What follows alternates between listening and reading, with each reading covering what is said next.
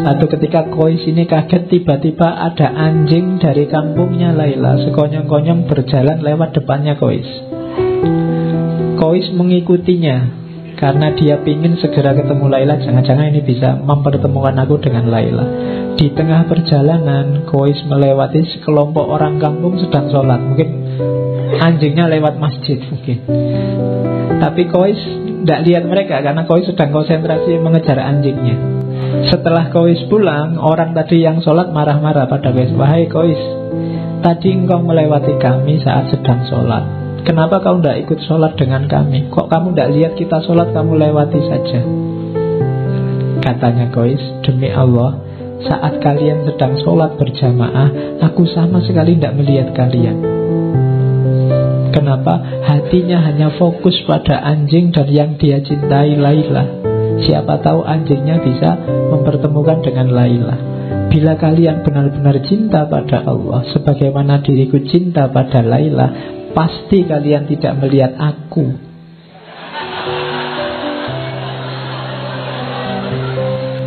Padahal kalian sedang berbicara dengan Allah Tapi mengapa kalian masih bisa memperhatikan diriku Aku saja yang mengejar anjing kepunyaan Laila Pujaan hatiku Sama sekali tidak melihat kalian. Jadi ini sindiran luar biasa dari Kois Ya Aku aja cuma anjing aja sampai lupa sama kalian. Kalian sama Allah loh Masih bisa. Iya. Sibuk sama diriku. Itu sindirannya Kois pada orang-orang ada lagi ini cerita. Jadi suatu ketika di rumah Laila diadakan pesta. Semua warga desa diundang. Majnun yang tidak diundang Menyusup saja masuk. Sampai di dalam rumah dia lihat loh Orang-orang kok antri? Dia juga ikut antri.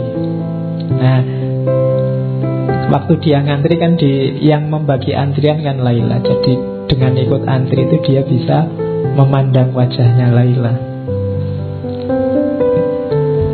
Waktu pas dia dapat antrian, Laila ini tidak ngasih makanan ke Kois, tapi malah piring yang untuk Kois dibanting sampai pecah. Wow, keluarganya Laila seneng. Alhamdulillah Laila sudah sadar sekarang. Orang-orang seneng semua, tapi ada orang yang lihat, ini kois kok tidak sadar, kois kok juga ikut-ikutan seneng. Terus ditanya sama orang sedekat kois, eh kois, kok kamu malah tersenyum? Kamu kan habis dipermalukan di depan semua warga desa. Kenapa mukamu masih senyum? Kois malah heran, loh kapan saya dipermalukan? Tadi waktu Laila mecah piringmu Kois jawab, oh enggak begitu, kamu salah paham. Laila itu memecahkan piringku tujuannya hanya satu Agar aku ikut antrian lagi. Kalau aku ikut antrian lagi, bisa ketemu lagi Kita bisa berlama-lama saling memandang. Sehingga rindunya bisa terobati. Jadi rahasianya di situ. Ya. Ini sebenarnya sindiran bahwa kalau Allah ngasih kamu susah, kalau Allah ngasih kamu ujian, kesulitan, itu mungkin karena Allah ingin dekatnya lama sama dirimu. Kalau doamu lama tidak dikabul-kabulkan, mungkin Allah suka rindu mendengarkan suaramu terus. Jadi jangan salah paham dulu.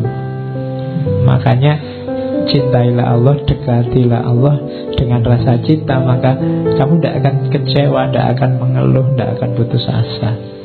Karena banyak rahasia di balik itu.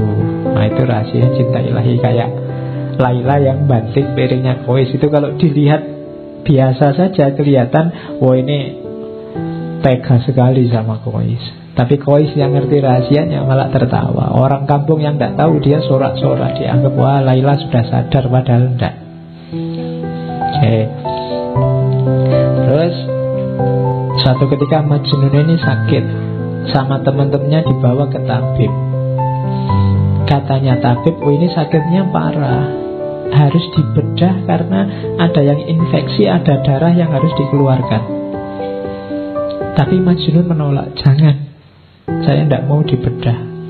Tabibnya bingung Lah kok kamu takut? Selama ini kan kamu keluar masuk hutan sendiri. Macan tidak takut Apalagi binatang buas tidak takut. Lah kok kamu dibedah aja takut? Katanya Majnun tidak Bukan dibedahnya yang saya takut. Lah kamu takutnya apa? Aku takut pisaunya menyakiti Laila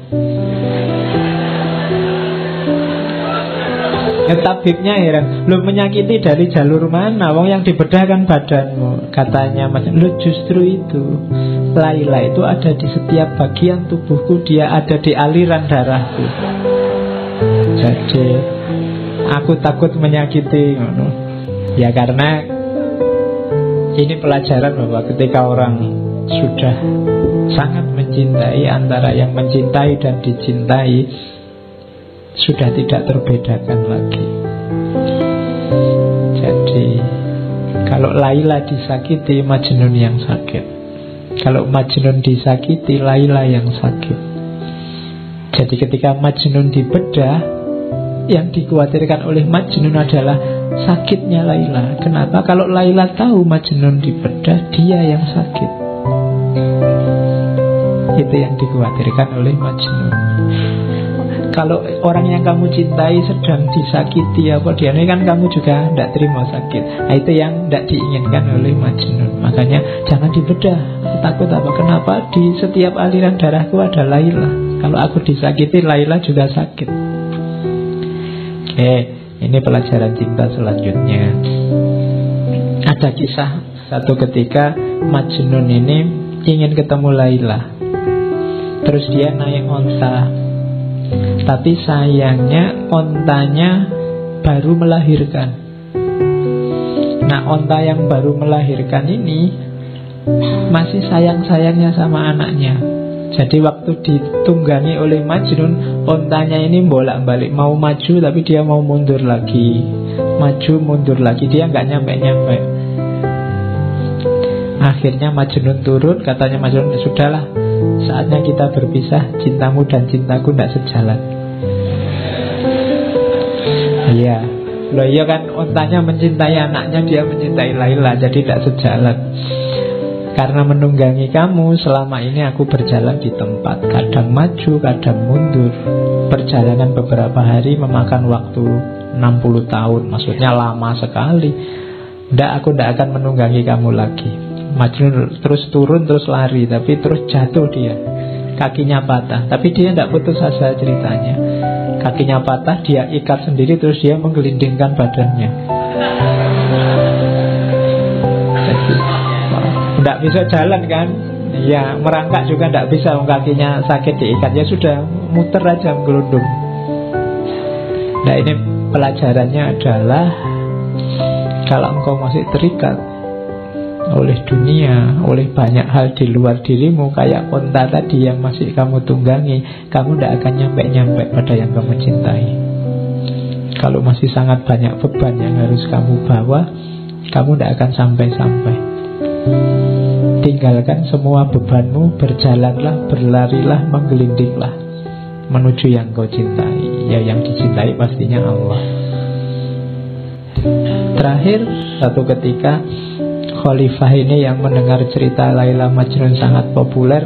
Satu ketika ingin tahu anak muda yang dilanda cinta itu kayak apa Terus di, dia lihat ditemuinya Laila. Tapi dia heran Oh Laila itu cuma kayak gini aja lo wajahnya.